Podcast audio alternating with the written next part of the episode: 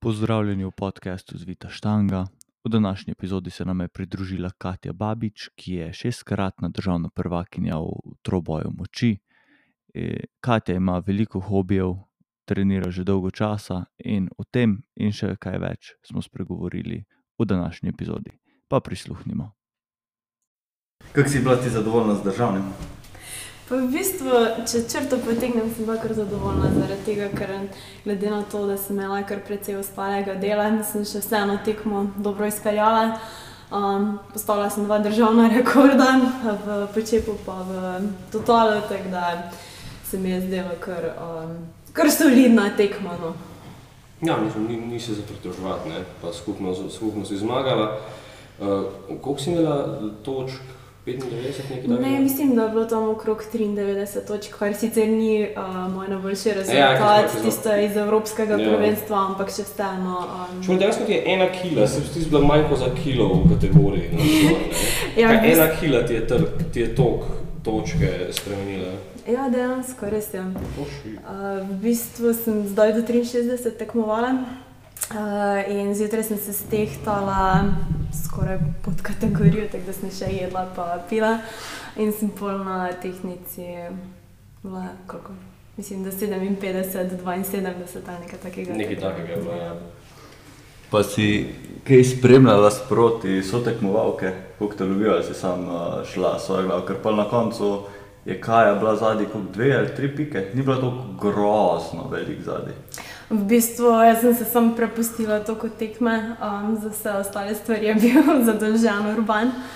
Um, sem pa mogoče prej, um, ko sem videla, da bo tudi verjetno Maruša v 63 tekmovala, mi je dalo še večjo motivacijo. Um, se mi zdi, da takrat sem res dobila tisti zagon za treninge, da hočem biti še vedno v, med top 3 in um, ali pa tudi potencialno zmagati. No.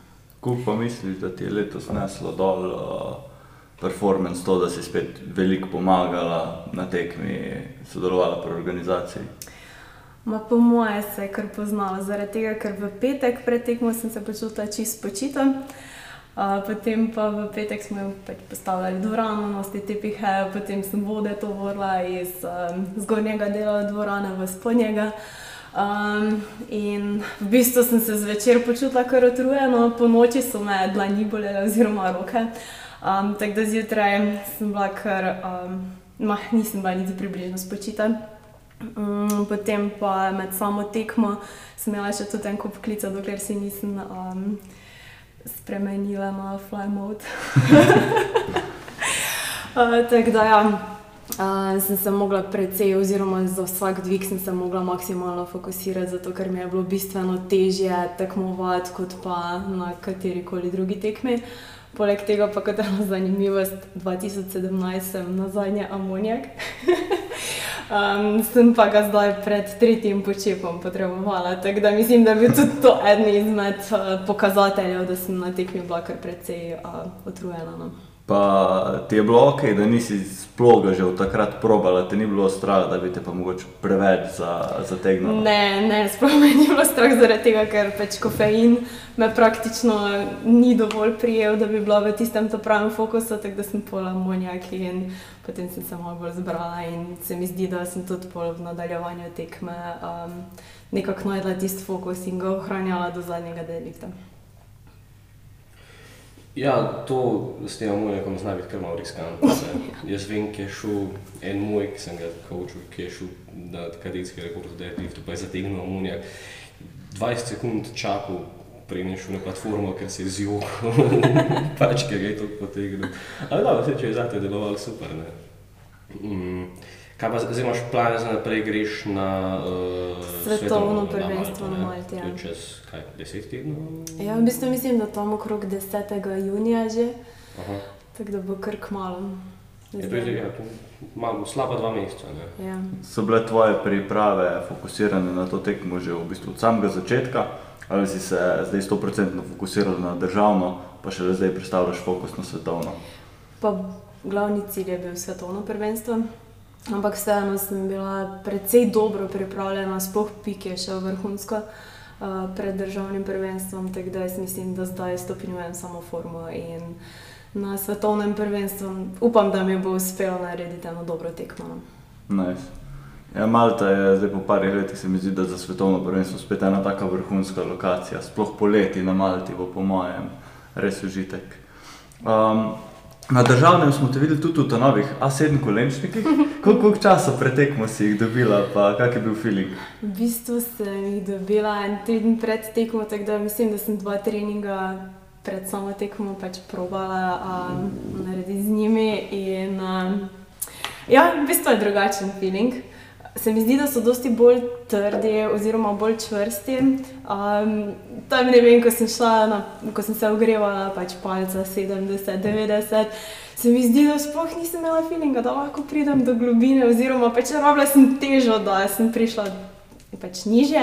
Ampak potem, recimo na treningu, sem tudi naredila 150, uh, počepa. V bistvu je bilo dosti lažje kot drugi attempt na uh, tekmi. Tako da se mi zdi, da malenkosti gotovo dajo zraven. Če ne drugo, imaš boljši feeling, da te spodaj v luknji kar odnese gor. Ja, ja. Um, Misliš, da si se kaj bolj uh, samozavestno zaradi tega v luknjo not uspela vršiti uh, si kaj spremenila svoj počep zaradi tega, mogoče samozavest ali samo Ne, v bistvu nisem čist nič spremenjala, ampak se mi zdi, da sem dobila takrat ta zadnja dva treninga, precej samozavesti na počepu. In pol tudi, ne vem, verjetno stavila, da je bil kar um, 153, je bil kar grinder za mene, ki pač nisem navajena grindati, ali gre na easy, ali pa sploh ne gre. Tako da se mi zdi, da um, mogoče so tudi kolenčniki, ki pripomogli k temu, ne vem. Pa se ti zdi, če bi imela malo več časa z njimi, da bi jih lahko še kaj poštudirala, ali mislim, da bi mogoče še malo več dobila iz njih? ali? Ma ne vem, zdaj tudi treniram z njimi, ko se pripravljam pač na svetovno prvenstvo. In se mi zdi, da sem se kar hitro navadila na njih. Ni bilo ono, da bi pač potrebovala ne vem, en mesec ali pa Ja, ja. dlje časa. Se mi zdi, da sem se kar hitro navadila na njih, tako da zdaj normalno z njimi treniram. Edina stvar, kar je, je pač malo težje je dol dobiti, ampak sem zadovoljna z njimi. No. Da jih gor dobiš, pa nimaš težav. Ne.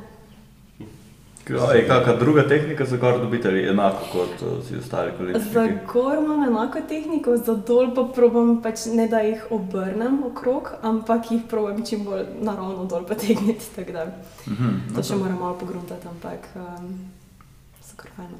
Um, pa misliš, uh, da je velikost teh kolenčnikov zdaj, ker so pač ful, ljudi je zdaj po tekmi začelo prodajati, ker so si kupili premajhne. A si imela ti enak problem ali uh, si kar trofla, kako si to zadela? Jaz sem imela kar srečo, da sem trofla, oziroma sem si tudi vse zmerila, um, tako kot je v tisti razpredelnici pisala. V bistvu imam SBD-jeve S. Uh, te pa sem vzela številko večje. Tudi uh, ene kolege iz Francije sem vprašala, ki so v bistvu ambasadori uh, A7 uh, in so rekli, da če vzamem M, bo čisto ok. Tako da sem potem vzela M in sem zadovoljna z njim. Okay. Se pravi, si si zmerila koleno, tako piše tam v njihovih Ja, gajdih ja. in vzela true to size, nisi eno, tako ponovadi se BD folk vzame eno številko manjše. Ne, ne, ne, točno tako. Pač, eh, pogledala sem in sem točno pasala v tisti range, oziroma v tole razmerje, kako koli. Uh, in um, so pač v bistvu meni so čisto strezni. No. In to imaš po mojem pol srečo, da padeš glih v eno tisti vaš size bracket. Ker jaz sem si še šel meriti in bi mogel pač po unih merilih, da bi šel jaz na čutu size, bi mogel vzeti tak 4XL. Sem pa, sem pa dobil XL gor. Ja, Sicer sem si jih mogel strepsi potegniti, ampak sem jih pač dobil gor, pa sem lahko tudi normalno z njimi tudi dol sem jih dobil, mm. brez kakih večjih težav. Ampak pač po unih meritvah bi jaz mogel vzeti 4XL.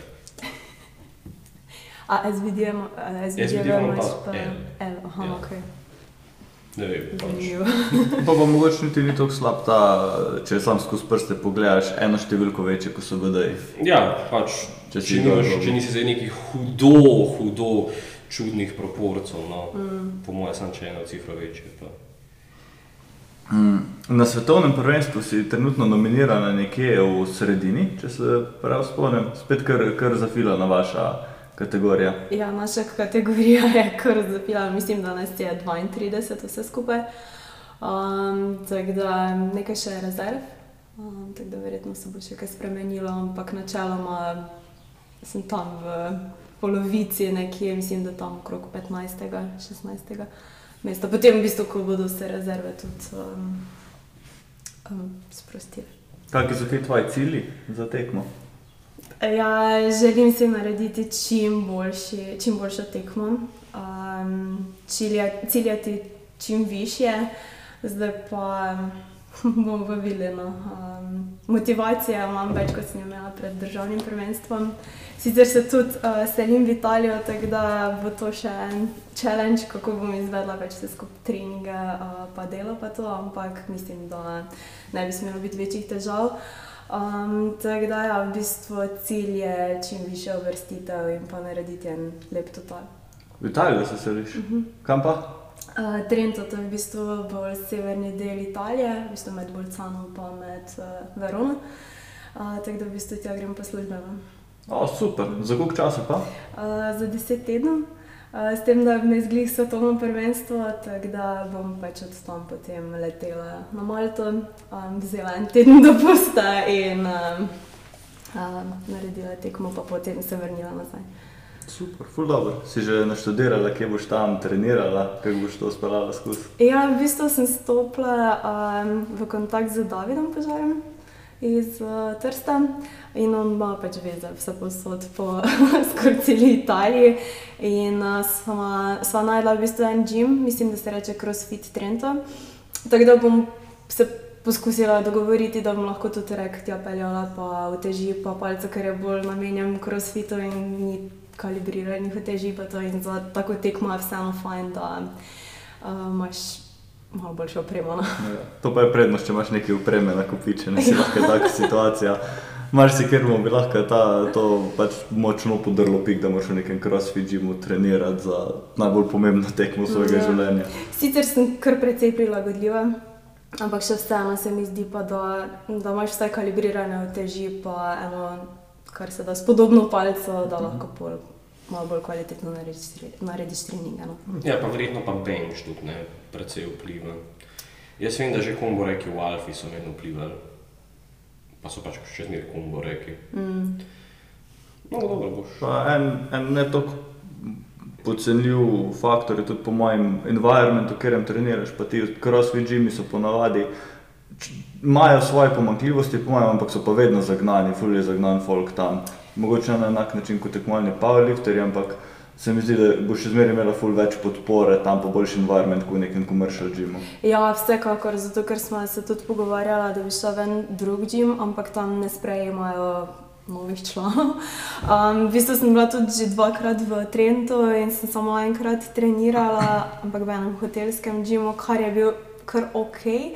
Ampak za tako tekmo se pa ne bi mogla pripravljati, ker niti ni dovolj teži, oziroma niso kalibrirane. In, um, se mi zdi, da tudi um, če treniraš v tako navadnem fitnessu, oziroma bolj komercialnem, ali pa da se resno pripravljaš za tekmo, se mi zdi, da vseeno boljše to zbereš kot tak, recimo CrossFit Gym, tako si samo mena, um, ker je tudi mentaliteta mogoče malo bolj drugačna. No.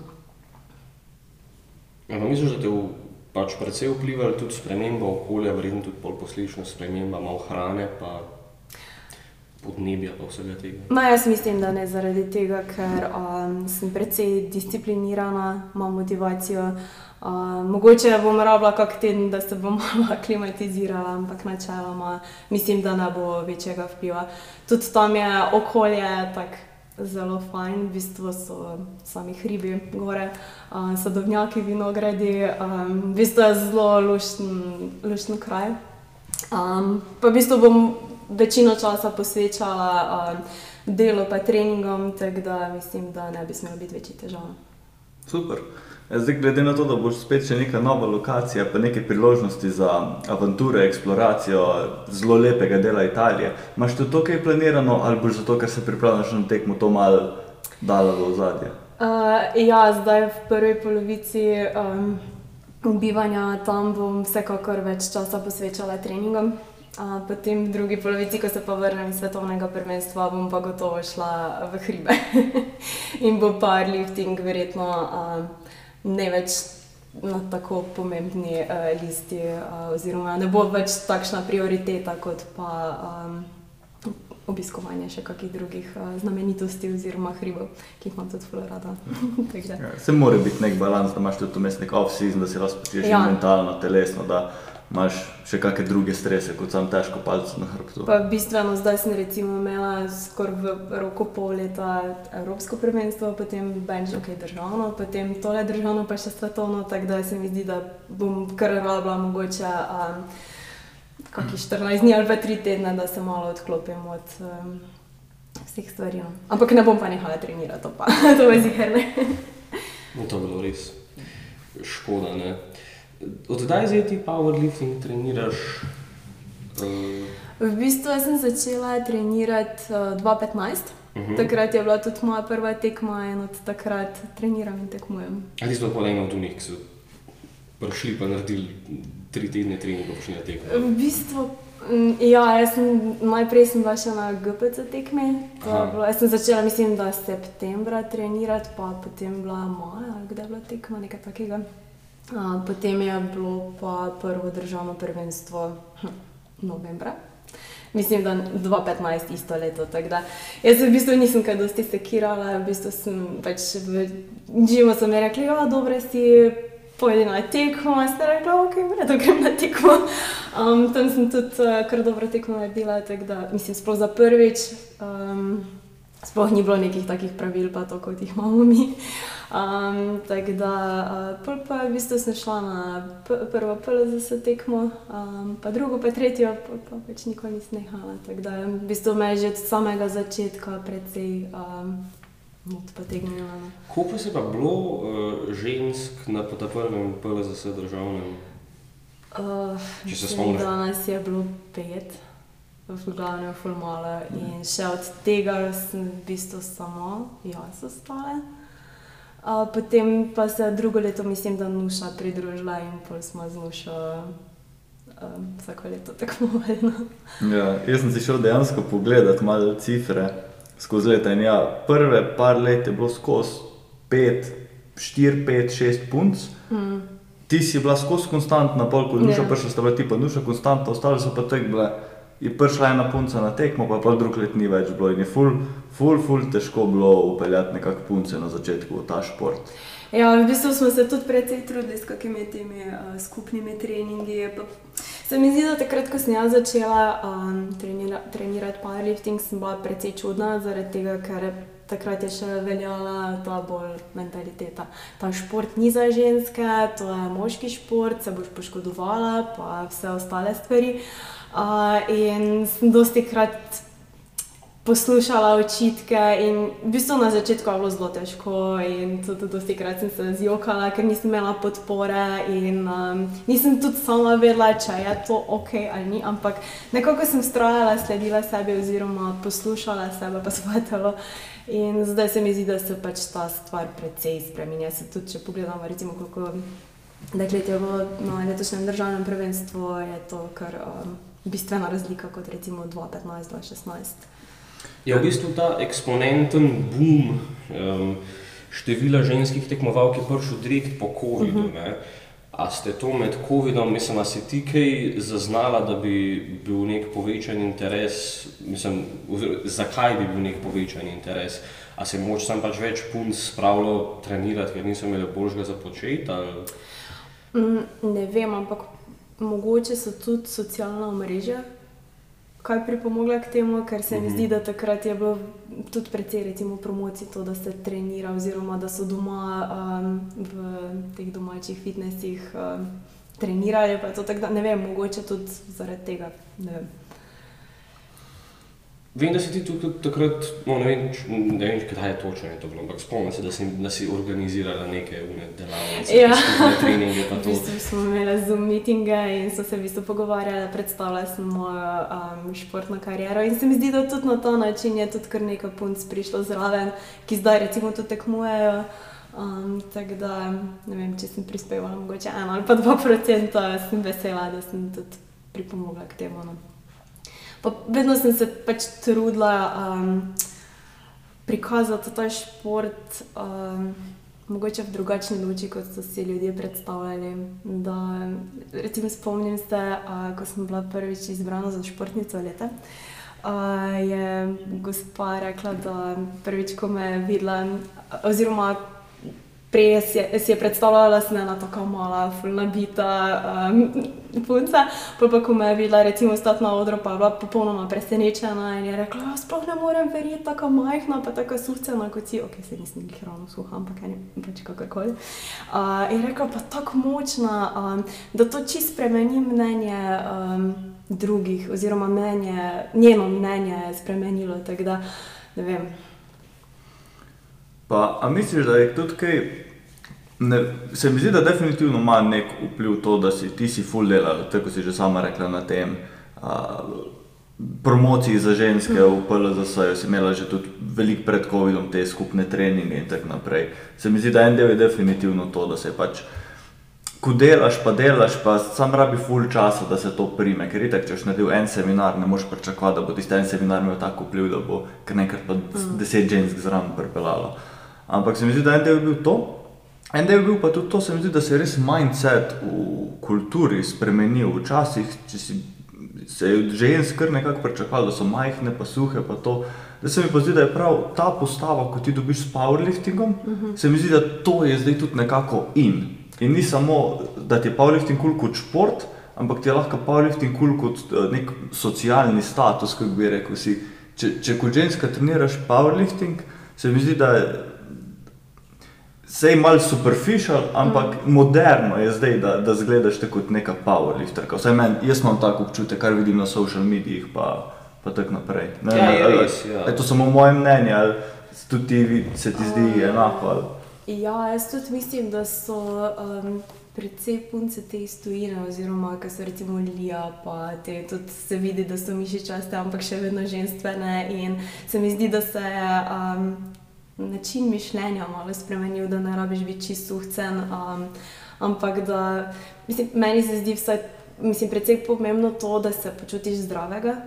Uh, in pa da si še vedno samozavesten, oziroma da se dobro počutiš v svojem telesu, ne glede na letni čas, čas da ni to samo, da moram biti pa fit za poletje, ampak da se dejansko čez celo leto počutiš dobro v svojem telesu. Uh, in se mi zdi, da je powerlifting sploh tak uh, šport, uh, kjer lahko vedno tudi delaš na sebi. Delaš, uh, mislim, tudi samo postava se ti izoblikuje, tako da um, poleg tega pa še lahko normalno ješ. No. ja, mislim, da je to ena od bolj privlačnih stvari v primerjavi z nekim uh, bodybuildingom ali pa fitness competitionom, ko moraš eno celo obdobje v letu v bistvu stradati in uh -huh. trpeti. Ja za nek rezultat, ko ga pa vidiš en teden, pa pa greš nazaj na, na brk. Ti si del powerliftingu že 7-8 let potem?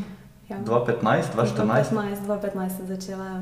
Se pravi, bo že kmalo 8 let se izteklo. Rekla si, da zdaj, če povežem to za nazaj še malo, da zdaj si pač naredila tri hard tekme in boš kar rabila en off-season. Kaj si opazila še prej, poleg tega, da, pač, da po določenem času rabiš tudi malo na off, da se pomoreš, so še kakšne druge stvari, ki si jih mogoče skozi leta pri sebi ugotovila, da so zelo pomembne za treninge? Ja, v prvi vrsti je vseeno to, da imaš uh, rad šport, s katerim se ukvarjaš. Zaradi tega, ker um, sej, veš, da sem bila tudi vmes poškodovana, ampak še vseeno takrat mi je motivacija precej, precej padla. Ampak se mi zdi, da. Um, Pol sem na neki točki, ker uh, želela spet nazaj trenirati. Takrat sem tudi začela precej hoditi v hribe. Um, zato, ker recimo vem, v službi sem v zaprtem prostoru, potem pridem na trening, sem v zaprtem prostoru in se mi zdi, da sem tudi taka, ki sem precej povezana z naravo in mi je všeč, da grem malo ven na oddih. In se mi zdi, da kombinacija hribi in powerlifting, uh, se mi zdi, da so mi tudi pomagali, da sem čez tisto, lahko rečem, na rekovajih krizo uh, nekako uh, prišla čez. Uh, poleg tega pa se mi zdi, da, um, tako kot sem že omenila, da je zelo pomembno, da imaš rad šport, s katerim se ukvarjaš, tudi takrat, ko ne gre vse po planu, da potem um, najdeš neko motivacijo, pa zagon. Uh, in greš čez neko točko, in greš v bistvu naprej Potem, recimo, ne vem, takrat, veš, ko sem omenila, da sem bila pač poškodovana, uh, sem tudi zelo, zelo, zelo počasi začela nazaj trenirati, ampak še vedno sem um, čutila, da rabim powerlifting, da rabim moč, da nisem tisto, da grem uh, v hribe, pa da se malo sprostim, pa naberem kondicijo, ampak se mi zdi, da tako um, na nek na ta način. No. Ti si imela poškodbo hrbta. A imaš morda kako točno diagnozo ali pa kaj točno? je bilo? Ja, v bistvu sem imela takrat uh, protruzije diskov od L3 do L5. Um, tako da v bistvu to je bila kot neka diagnoza. Uh, sicer so mi takrat uh, razni specialisti svetovali, da naj odneham, da vem, da sem dobila en izvid, da lahko še samo nordijsko hojo uh, vključujem v svoje vsakdanje življenje. Vsakdanje življenje. Ali pa potem vožnjo z električnim kolesom in ko sem jaz pač tisto videla, sem rekla, sem pač ne. Jaz nočem živeti tako, vse bom naredila, da bom prišla spet nazaj, oziroma da se bom dobro počutila, oziroma da bom lahko normalno funkcionirala. Uh, potem pa smo skupaj s kineziologi in uh, fizioterapeuti najdli nekaj vaj, ki sem jih izvajala um, in izvajam še danes. V bistvu. in sem v bistvu postopoma prihajala nazaj um, v formo. Um, Tako da um, zdaj pa pač v bistvu sem stopnjujem to, oziroma sem pred poškodbo, ko sem, pač, preden sem se poškodovala, uh, so v bistvu bile tudi vse te cifre bistveno nižje kot uh, zdaj. Um, tako da se mi zdi, da če imaš pravega trenerja, pa pravo obravnavo, oziroma najdeš prave specialiste, um, da se lahko potem tudi vrneš nazaj, oziroma postaneš še močnejši. Ampak je pa recimo pri meni to precej spremenilo tudi uh, pogled na treninge, zaradi tega, ker prej sem bila vedno, se mi je zdelo, da sem neuničljiva, oziroma sem šla dosti krat z glavo skozi zid. Uh, zdaj pa znam poslušati sebe, pa um, dosti krat bolj premišljeno, oziroma že pred treningom grem bolj premišljeno. Um, Oziroma, z večjim fokusom na trening, kot pa sem, eh, gremo malo potrenirati. Pa je ta poškodba tudi spremenila, kaj ne samo tvoj pogled na trening, ampak stil treningov, si ti pač po poškodbi, pač, ok, zdaj rehabilitiram, ok, zdaj pa treniram nazaj. Ali si ti sproti ugotavljala in uh, je Katja, ko trenira zdaj, druga Katja, ko trenira takrat? Ja, ja vsekakor. Um, zaradi tega, ker uh, takrat tudi v bistvu nisem posvečala pozornosti, recimo, kako hoja, ali pa če recimo sem začutila, da me kaj boli, sem mislila, ja, okay, se jutri bo pa boljše. Um, zdaj pa v bistvu tudi, um, recimo, dosti krat po treningu se povaljčkam, da pač mišice sprostim, potem pred treningom imam drugačen način ogrevanja, kot sem ga imela takrat. Um, recimo tiste dni, ko ne treniram, uh, vključujem tudi uh, hojo, tudi če to samo recimo uh, do mesta ali pa karkoli, toliko vseeno, ker imam precej sedeč položaj v službi, um, da razbremenim hrbtenico. Um, tako da se mi zdi, da sem najdla nek način, v bistvu, da lahko s kombinacijo različnih uh, vaj oziroma um, tudi hojo. Uh, V bistvu doprinesem k temu, da imam tudi rezultate, verjetno boljše na samem treningu oziroma tekmi. Ampak pol se ti ta, v bistvu, ta tvoja protruzija diskov dejansko razrešila. Ni zdaj, da bi se ti okoli tega, ne vem, pač pojačala, da bi to postal, ampak se je dejansko popravil. Ali? Zdaj, po tistem nisem bila več na nobenem, te, na nobeni magnetni resonanci, da bi lahko preverila. Um, Ampak se mi zdi, da pa je, moram se hitro na les potrkati, um, da je boljše, v bistvu tudi ojačala sem trebušne mišice, um, oziroma tiste mišice, ki so bile takrat bolj švoh. Um, tako da se mi zdi, da je zaenkrat ok. Sicer potem pred Evropskim sem še imela eno manjšo težavo, ker bi spet v hrbtu spikala, pač na podobnem mestu, ampak um, po tistem pa bo bolj ok.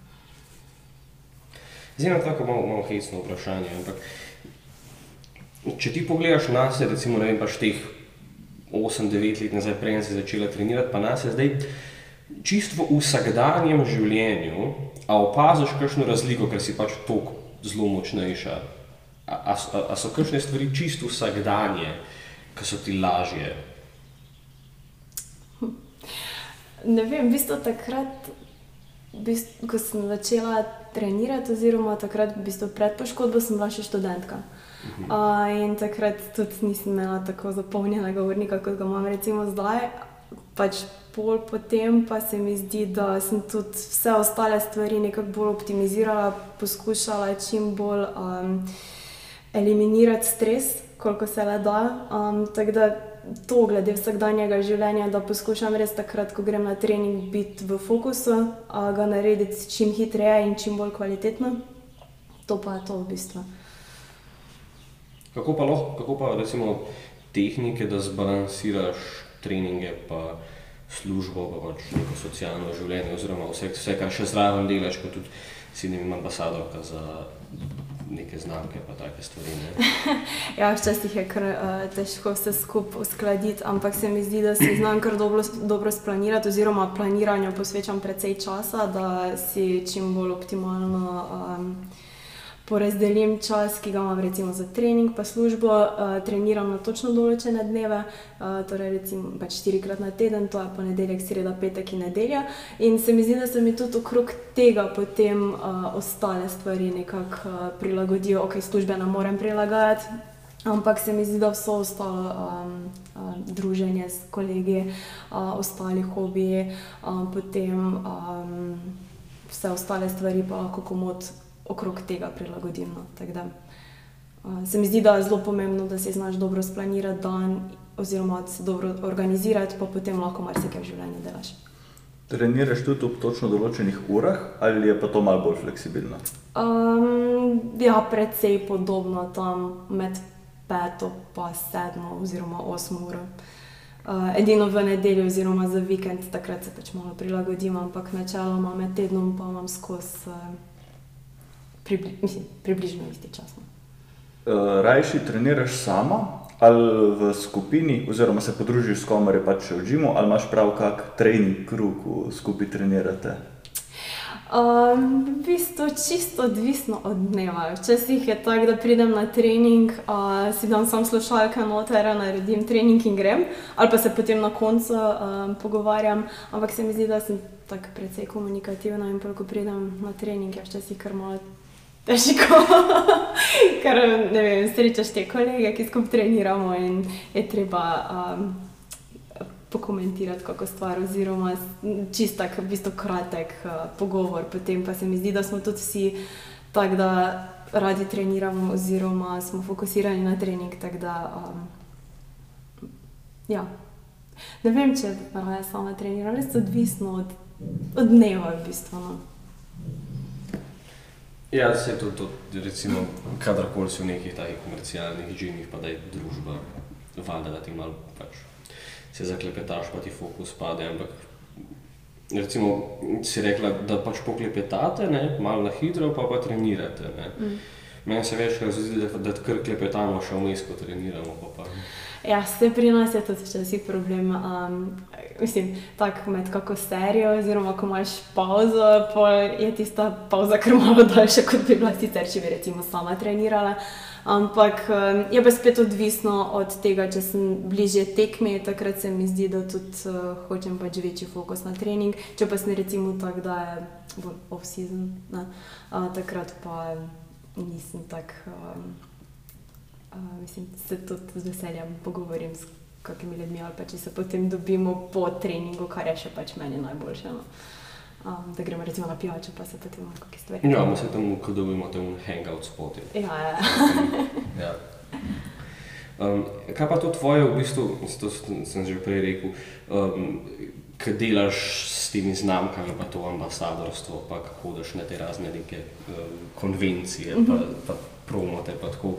Um, kako si do tega prišla? Pač, kaj, ti, si, ti si pač imela en običajen Instagram račun in sodeli imaš zdaj ne vem, koliko 15.000 followerjev. 12 tisoč, ampak no, ja. Okay. Um, ja, v bistvu moj Instagram je nastal zato, da sem jaz lahko treninga objavljala pa v bistvu nič posebnega. A, potem pa so me iz Noko začeli spremljati, so hodili tudi na tekme. In, a, jaz sem v bistvu Noko a, brand poznala. A, Iz strani švedov, zaradi tega in se mi je zdelo ful dobro. In takrat, ko so me povabili za ambasador, ko sem bila tako, wow, najboljša stvar, ki se mi je lahko zgodila. Uh, in z Noko sodelujemo v bistvu že, mislim, od 2017. Um, tako da z njimi, um, pač v bistvu sem z njimi res bolj zadovoljna. Um, potem um, z EON pa tudi, um, v bistvu se je naša zgodba tako začela, da smo se v Kopru spoznali, uh, ker sem takrat hodila na tržnico in smo se pogovarjali in so mi tudi ponudili ambasadorstvo, tako da sem v bistvu takoj pristala na to zaradi tega, ker sem že predtem kupovala njihove izdelke. In pa v bistvu držim se tega, da če imam ambasadorstvo, je tako, da tisti izdelek bi jaz tudi sama kupila. Oziroma, um, sodelujem samo s takimi, ki bi tudi sama, ne glede na to, če bi bila ambasadorka ali pa ne, kupila izdelek in tudi zato pač na ta način je fulažja promocija. Um, smo pa precej povezani in pri Noko ekipi, in pri EON, sploh zaradi teh eventov, pa team buildingov. Um, tako da v bistvu nismo samo kot neke ambasadorke tam, ampak tudi lahko rečem, da smo ful dobre kolegice. Tudi, no. um, tako da so je precej prednosti, uh, če sodeluješ z določenimi brendi. No. Ja, to je absolutno. Okay. Za About You tudi vi, da si sodelovala, nima še? Ja, tisto, uh, ja, so pa tudi kakšna sodelovanja. Um, Ki so bila mogoče začasna, ali pa se mi je zdelo, da bo fajn, pa potem sem videla, da ni čist. Um, tako da v bistvu za Bautijo smo tudi nekaj časa sodelovali, ampak potem sem se odločila, da ne bom podpirala več te um, fast fashion industrije. In um, tudi potem, sej, mogoče ti firme ponudijo više plačilo kot prej, ampak moraš biti tudi. Um, Mislim, jaz vem, da bi izdajala sebe za to, pač, če bi mi nekdo fuldosti plačeval, pa bi podpirala recimo to hitro industrijo. Mm -hmm v bistvu po drugi strani pa delam na okolju in je kontradiktorno. In se mi zdi, da pač, um, se na eni točki pol odločiš, kaj tebi res všeč, s kom rad sodeluješ in um, s tistimi delaš. Se pravi, pri Abautu je bilo bolj iz moralnih vidikov, kot pa da bi bilo sodelovanje na nižjem nivoju, kot pa ja, recimo. Ja, ja. ja. Hmm.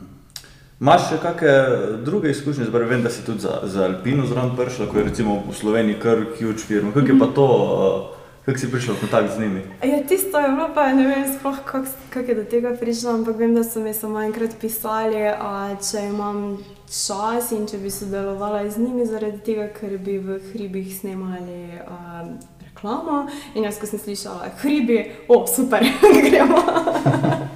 Um, Drugače mislim, da sem na enem ali dveh postih s njih pač tegala, zato ker sem imela tudi njihove uh, gozarje.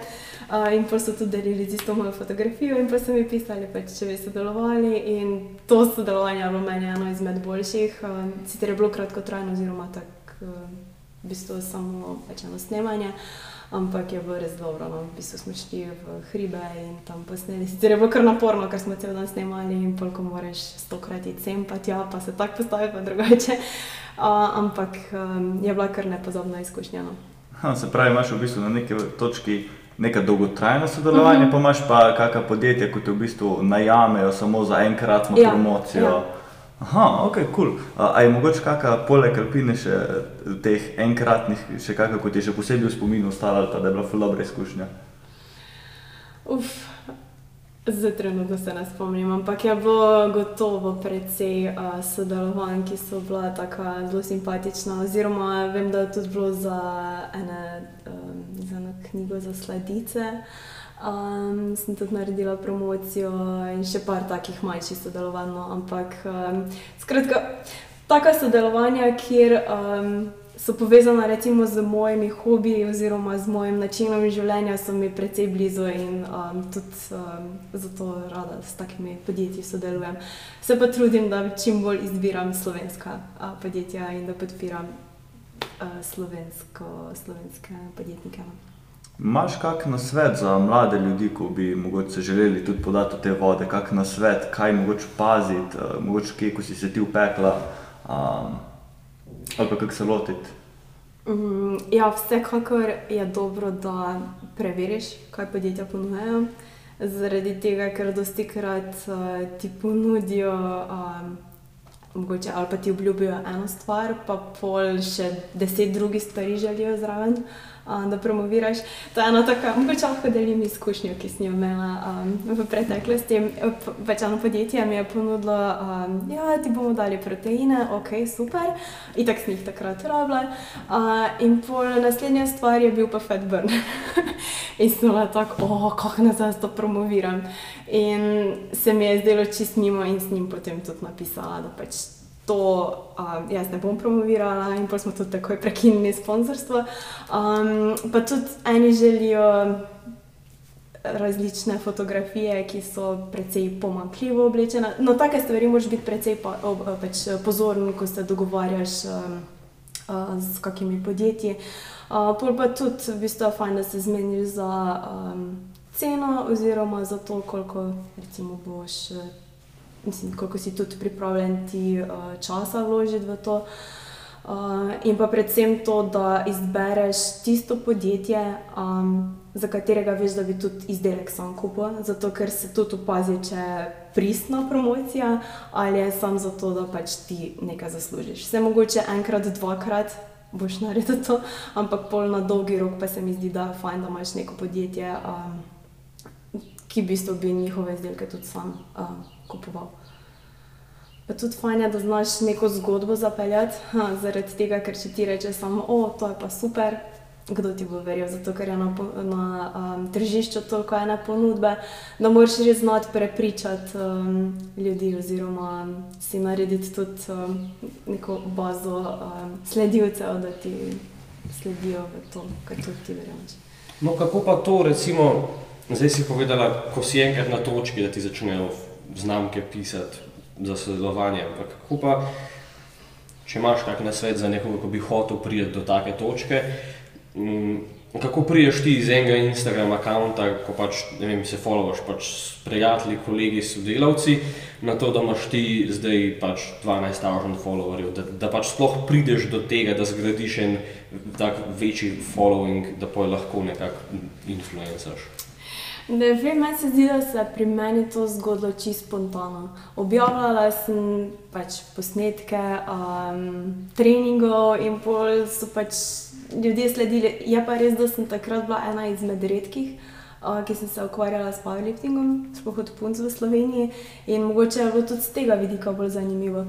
Um, da, ja, verjetno je takrat, ja, ker je bila bolj niša, ne? zdaj je pa to že malo bolj nasičeno. Ja. Mogoče tudi moraš biti v pravem trenutku na pravem mestu. Um, pa tudi, ne vem, um, moraš biti mogoče nekaj posebnega oziroma drugačnega, da te ljudje opazijo, oziroma da tudi pol podjetja oziroma najdejo v tebi potencial. Ali pa recimo tudi sledilci začutijo. Um, Da ti sledijo, oziroma da jih pritegneš, oziroma da se morda poistovetijo s teboj, kakorkoli. Pa glede na to, da ta sodelovanja verjetno niso tako, da ti pač malo dvigneš fotoaparat, poveš nekaj v kamero, pa objaviš in da dobiš kar nekaj par tavžnih evrov. Ven. Verjetno je to že skoraj kot nek side job, verjetno kar velik časa. Ja, ja, se zato sem jaz tudi precej. Um, um, zmanjšala sodelovanje, zaradi tega, ker poleg službe in treningov nismo tegnili. Uh, ker v bistvu je tako, da če hočeš neko stvar dobro narediti, rabiš kar nekaj časa. Sploh recimo, če hočeš zmontirati en video ali pa urediti fotke, potem moraš iskati čas pa nekoga, da te bo slikal oziroma fotografiral. Um, pol moraš tudi na nek način zgodbo zapeljati, skozi rabiš nekaj ideje. Sicer meni tega nikoli ne zmanjka, ker se mi zdi, da sem kar precej kreativna, ampak še vseeno pri meni je recimo problem čas. Um, Sej lahko verjetno hitro, mogoče tam poslikaš nekaj stvar, ampak verjetno ne bo tako efektivno, kot pa če recimo res. Sploh za zadnje čase se mi zdi, da je precej na estetiki, da stvari izgledajo res dobro. Uh, tudi ko recimo objaviš, uh, da nisem nekaj na pol narejeno.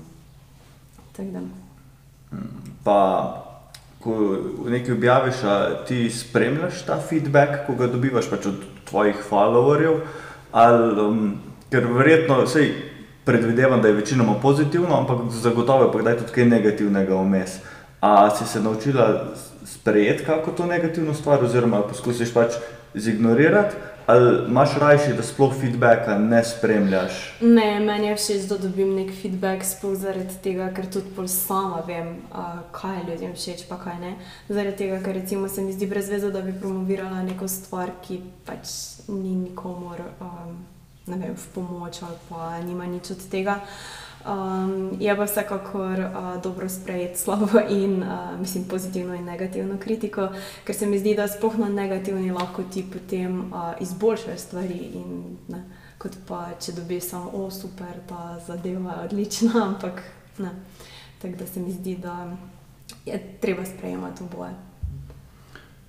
Do velikih teh brendov si prišla tudi preko svojih hobijev, kot si rekla, Alpina zaradi hribov, uh, potem uh, ta velik si pekla in uh, delala slaščice in si tudi do teh knjig, uh, kako si umenila za pripravo slaščice. Ja, v bistvu recepte. Knjigo receptov. Uh, kaj so tvoji trenutno najljubši hobiji? Vidim, da si zadnjič delala uh, da si slikala nekaj, si delala na stori. Ja, zdaj sem se v bistvu malo omejila od peke sladic, zaradi tega, ker mi časovno pač ne znese. Uh, sem pa šla zadnjič v trgovino, oziroma v Šparku, Platempere, pa potem v še eni trgovini Platno in sem rekla, nič bom probala za darilo podariti nekaj drugega. Uh, in sem mami zdaj materinski dan naslikala, in še zdaj za Urbanovo mami sem tudi uh, naslikala sliko. In se mi zdi, da um, skozi najdem neke nove hobije, um, oziroma se mi spremenjajo čez čas. Tako da v bistvu rada fotografiram um, to skosno, ampak tudi, recimo, zdaj sem gotovo, da tudi rada slikam. Um, Potem še vedno rada pečem sladice, se bo to lahko probala, um, cheesecake. nice. um, Tako da, ja, um, v bistvu se moji hobiji kar precej um, v bistvu, um, iz leta v leto spremenjajo. Če bi mogla samo enega od teh ohraniti, bi bilo to verjetno powerlifting. Ne? Ja, ja, ja. Čeprav powerlifting skoraj mi ni več kot hobi, ampak mi je bolj, ne vem, Ja, no, vse jaz rekla- si že na pol profesionalka, ne, v bistvu. Mislim, nisi plačana za to, da powerliftaš. Ja, ampak še vseeno je to res tak, Ja. ja. moj način življenja in se v bistvu ne predstavljam brez powerliftinga. Um, Pa, um, ko toliko časa vlagaš v powerlifting, kje se pa mogoče vidiš v powerliftingu čez 20-30 let? A se vidiš bolj še vedno kot tekmovalka med veterani na vrhunskem nivoju, ali se vidiš bolj v kakšni vlogi trenerke, uh, uradnice, kot je to Um. mogoče v kakšnih drugih vrhunskih športnih? ja, v bistvu se vidim kot tekmovalka, veteranka. Pač to si res bolj želim. Um, da bi še lahko tudi uh, takrat, ko bi bila malo starejša, uh, še vedno trenirala in pa tekmovala, kar se tudi na nek način odraža v tvojem načinu življenja, oziroma da ostaneš zdrav, tudi ko si starejši. Um, potem pa se mi zdi, da bi lahko še tudi kar nekaj prispevala k razvoju zveze, oziroma pomagala na tem področju, prej kot bila kakšna osebna trenerka. Se mi zdi, da mah, ne vem, če mi je. Mislim, zelo rada treniram, pa tudi tako je, da recimo, če si dober atlet, še ne pomeni, da si lahko dober coach. In se mi zdi, da a, te morajo tudi te stvari precej veseliti, a, da si lahko dober v tem in stalno se moraš izobraževati. Um, tako da se mi zdi, da lahko recimo, sebe bi postala prej na kako mesto, recimo uradnice ali pa ne vem, mednarodne sodnice ali pa m, kakorkoli drugače, druge pomoči v razvoju a, zveze kot pa a, trenerke. Ja, sej pri powerliftingu že zdaj res ogromno pomagaš, to je ena od unih stvari, ko se mi zdi, da ljudje, ko te spremljajo samo prek social medija, še najmanj vejo o tebi, zato ker se praktično nikoli ne pohvališ potem, ko delaš za powerlifting. Pa to tudi recimo, ko ni tekmo od zveze, ko jaz recimo organiziram, pa rabim kako pomoč, vedno pomagaš, včasih celo več kot kdo iz našega kluba in nikoli. Um, nikoli ne pojamraš, da zdaj pa nimaš časa, zmeri se potrudiš najbolj. Um, zakaj misliš, da, da, ti je, da ti uspeva to, kaj te pritegne? Ne? Ker imaš veliko dobrih tekmovalcev, ko so sebični na, na dober način. Se, če hočeš biti res najboljši v športu, moraš biti malo sebičen, pa sebe postaviti na prvo mesto. kaj misliš, da je pri tebi tisto, da zelo velikrat druge postaviš skoraj enako vredno sebi in da žrtvuješ neko svojo energijo, čas, da pomagaš nekomu, kot ti res ne bi bilo treba. Ker mogoče sem tudi, da premisliš, ker je res, da, da bojo ljudje dojeli. Ti nikoli ne devaš na social medijih, ne vem, ko se dobimo, pa iz garaže nekaj predstavljamo, pa ko nam za povzerske tekme rihtaš sponzorje, pa pripeleš stvari, pa zraven, da imamo ne vem koliko sestankov, pa se pogovarjamo, kako eno stvar, drugo zapeljati in tako naprej. Um, to so vse časi, ko bi jih lahko nekdo drug na tvojem mestu, pač, če hoče imeti čim večji total, pa bi čim bolj tekmovalno izkoristil za počitek, za neko relaksacijo, za zmanjševanje stresa, za dodaten trening. Uh, kaj misliš, da je pri tebi v powerliftingu to, da, da ga vidiš več kot sam, samo svoj rezultat? Ma, jaz mislim, da moraš to začutiti. Zaradi tega, ker tudi se vidiš sam, tebi tudi ni, ni vama, v bistvu nikoli ni težko. Um, česar koli, ali pomagati, ali kakorkoli. Tako da v bistvu se mi zdi, da moraš najprej začutiti to in potem. Um, jaz dosti krat postavim vse druge stvari na prvo mesto kot sebe. Zato, ker si želim, da bi se to čim bolj razvijalo, da bi tudi, recimo, vem, ko pomagam pri teh sponzorjih uh, in teh stvarih, um, hočem, da tisti, ki bodo za mano, oziroma pač te mlajše generacije, ki jih peljujemo zraven, Uh, si želim, da bi imeli čim manj dela, oziroma ne bi delali mogoče istih napak, kot sem jih recimo jaz delala, oziroma pač mi. Um, in se mi zdi, da um, v bistvu, ne vem, meni se mogoče zdijo kakšne stvari samo umevne, da sploh ni treba. Zato razglašati s tem, uveš, jaz sem pa to pomagala, jaz sem pa to pomagala. Ampak, ne vem, v bistvu mi smo tudi prijatelji in um, na ta način pomagaš mislim, pomagam jaz tebi, boš pa ti mogoče drugič meni pomagal. In, ne vem, take stvari se meni zdijo. Ne vem, predvsej samoumevne, da si pomagamo med seboj, če hočemo, da se vem, zveza razvija, oziroma da vključimo čim več ljudi zraven. Da, um, pa tudi mogoče fajn je, da mlajše generacije to spoznajo, um, da vidijo, da več nas je, lažje je izpeljati stvari in manj je na eni osebi. Um, tako da, drugače pa hvala za um, tole, v bistvu, da si mogoče izpostavil. Um, Ker tudi sama ne rada izpostavljam teh stvari. Zdaj je zato, ker sama vem, da ne bi. Ne, In tudi drugače ne bi govoril o tem na podkastu, če te ne bi jaz prisilil. No, ampak je res, jaz se še tudi z druge strani, ko mogoče ti ne veš toliko samo tudi pač pri PR-e, ki, ki sem pa jaz zraven, ne, pa tudi vem, sej, sej, sej se reče, vse imamo razdeljeno delo, pa ne vem, pač ok, jaz si tako dajem sam ideje, zato ker sem ne uporabljam glede Instagrama pa tega, ampak si razdelimo, ampak na koncu koncev še zmed pač skozi ti oversijaš vse, ne. Ja, v bistvu se mi zdi tako, da um, če nekdo dober, ne vem, recimo koordinator, bi bilo škoda, da ne bi te stvari izkoristil. Um, pa se mi zdi, da znam kar dobro pohandlati vse te stvari. In uh, je pa tudi ena stvar mogoče pomembna, da če bi jaz recimo sam vsakemu težila, hej, ti to naredi, ti to naredi, pa jaz sama ne bi pomagala, jaz ne vem, če bi toliko ljudi recimo mene poslušalo oziroma mi sledilo kakorkoli. Ampak ko ljudje tudi vidijo, da sama pristopim, da pomagam, ne vem, en dan pred tekmo tepiha tam polagati po, um, po dvorani.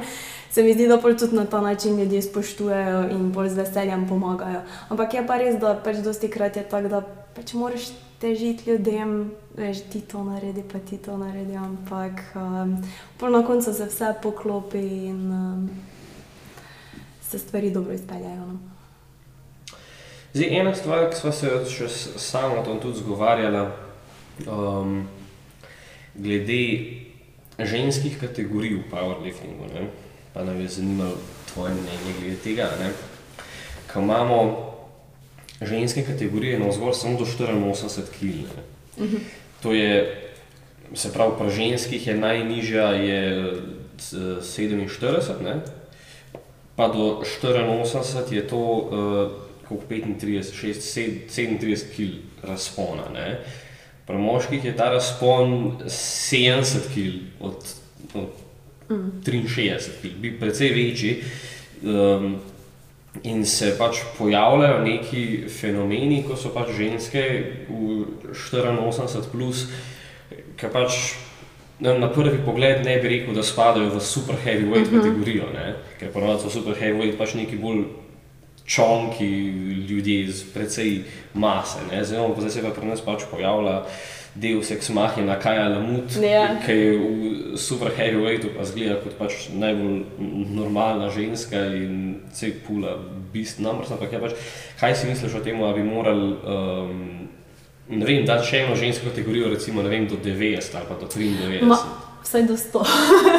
Vsaj do 100, Mislim ne? tako, zaradi tega, ker če recimo primerjaš, recimo, okay, če pogledamo na mednarodni nivo, ne, tam je vseeno, recimo, mislim, da bo Nika Brown, koliko ima ene 120 kg, ima gotovo. Več, mislim, da ima 150 ali 160. celo. No, pač No, in ja. v bistvu oni dve sta v isti kategoriji. In a si predstavljaš, da bi recimo Kaja, če bi hotela tudi biti na nek način konkurenčna ali pa ujeti, ne vem, normo ali pa karkoli, bi mogla tudi verjetno vsaj ne 10 kilo, eh, kilogramov pridobiti, Ja, po mojem, kar več. če še ne več.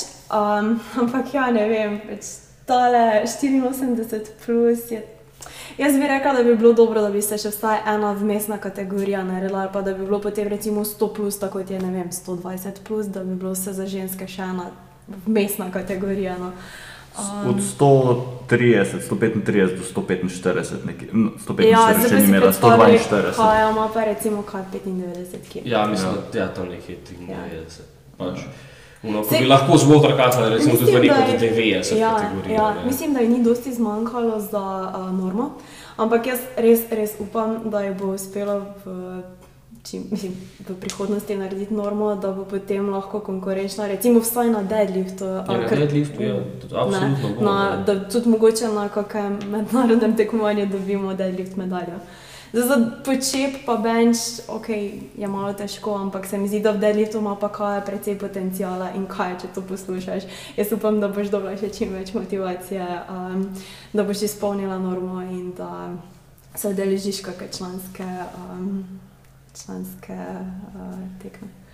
Ja, ker mislim, da pa ne ni opcija kata tu do 84, ker je Mm. tako visoka, pa že zdaj ni, pač kvečemo ima na sebi prostor še za več mase, da Ja. kvalitetne mase. Ko pa to, ka, ne vem, se, mogoče bi lahko probala, sam bi mogla biti ono res, res bi bila po mojem shredded, pa ne vem, kako bi vplivalo na performance. Ja, glede na njeno višino, jaz mislim, da ni glih smiselno. Ja. Um, Ja, pač to so ti pač ultra visoki fenomeni, se tako, ne vem, kot, tako kot drenovc, ki pač Mm. pri 100 kg zgleda suhce. Ja, ne. ja, res je. Ko, pač, ja, ko, smo, ko smo na istem bodyweightu, pa Mm. sem jaz še enkrat širši od njega, ker Ja. sem pač pol nižji. S tem, da razlika je, da Drenovc bi lahko šel v kategorijo do 120, če bi hotel Ja. ja. biti konkurenčen na mednarodnih in bi jo lahko zafilo. Ja, Mogoče ne bi mogel imeti toliko mase na Ja. sebi, ja. ko je 10 centi manjši, ampak še zmeraj ne, bi bil- ne bi bil outlier, kar se tega tiče. Ja, se on je bil nekje na 117 kg, mislim, da največ, kar je bil, kaj je bulkov. Mm. On je on ponovadi tako na 100 kilah tekmoval. da še Ne, 105 tek, ne bilo. tekmoval je tako, ampak polk si je uno, ki si je na nogo vrgel 310 kg, pa je imel pauzo, pa je šel pa, pa, je šel pa bulkat. Mislim, mislim, da je nekje na 100, 115, 117 kg, da je bil Ja, okay. največ. Pač ni, ni tekmoval na tej teži, samo pač, eh, ja, najtežji zdaj je bil na 103 kilah ki je na... na uh, slovenskem državnem 2019. Aha, jaz to bilo takrat, ko si je uno vrgel Ja. nogo. Ja. drugače pa skozi okoli 100 kg. Um, na tvojih treningih, uh, mislim, da bolj kot ne vsi vejo, da te koča Urban Nur, mm. a imaš poleg njega še kakšne druge specialiste, ki ti redno ali pa tudi občasno pomagajo ali pri uh, uh, prehrani, pri kakih gibalnih vzorcih, karkoli drugega. Uh, v bistvu uh, nekajkrat mi je pomagal Jaka, Jakob Škarabot. Uh, Njemu sem dosti krat kak deadlift poslala, ampak večinoma je za vse stvari zadolžen urban. Uh, glede prehrane pa se mi zdi, da toliko sama sebe poznam, da potem um, sama um, skrbim za te stvari. Tudi tekom vseh izkušenj iz powerliftinga sem se veliko naučila o sami prehrani, bolj iz teorija, v bistvu v prakso. Um, potem pa vsake toliko grem še na kako fizioterapijo oziroma na masažo, um, to pa je to. No. Okay. Mm. Po mojem, da je to to. A imaš še kaj, kar bi rada sama povedala uh, poslušalcem? Ja, v bistvu mogoče za konec bi dodala to, da um, je veliko krat, oziroma da je powerlifting tak šport, da je tre, potrebno ustrajati. Um, in pa tudi takrat, ko recimo ne gredo vse stvari po planu, um, tudi takrat, da najdeš neko motivacijo, um, pa potem greš v bistvu naprej. In, um, se mi zdi, da kadar imaš nek šport, rad, nikoli ni težko. Um, Tudi takrat, ko pride recimo, do kakšnih poškodb ali pa do večje količine stresa, ali pa ko zamenjaš, recimo, oziroma iz obdobja, ko prideš iz uh, fakultete oziroma iz študentskega življenja v službo, je treba ok, marsikaj prilagajati, ampak se mi zdi, da se da vse, če se znaš dobro organizirati. Um, bi rekla za konec, da um, je fajn, da imaš disciplino in pa da strajaš pa da verjameš vase, oziroma da na nek način um, veš, da ti bo nek zastavljen cilj uspel. Um, je pa fajn, da je to nek realen cilj, ne? da ni ja. preveč. Um... 200 počepa. ja. Potem pa najlepša hvala, da si se nam pridružila. Hvala. Je bilo veselje. Um, Katijo lahko spremljate na kaj, Instagram, KTP.powerlift, uh -huh. ali bi rada še kaj, eh, koga drugega ali še kakšen drug profil, karkoli drugega. Ne, ne, ne, to je to. Okay. ja, lahko še spremljate Powerlifting Slovenija. to. ja. Powerlifting Slovenija, uh, ta profil imam tudi jaz, tako da vsake toliko, če pišete na ta profil, jaz odgovorim, imate tako 5% šanso. če te ne prehitiva zlaro, ne? ja, ja ali pa če so kakšni taki, ki mi pade v oči, kakšno, kakšno tako kontroverzno ime. Uh, ja, nič. Uh, še z moje strani hvala, da si prišla na tale podcast, uh, Katja. Hvala vama. Um, zdaj pa gremo jesti pa trenirati. Tako je. Zato, bomo postali močni. Ja.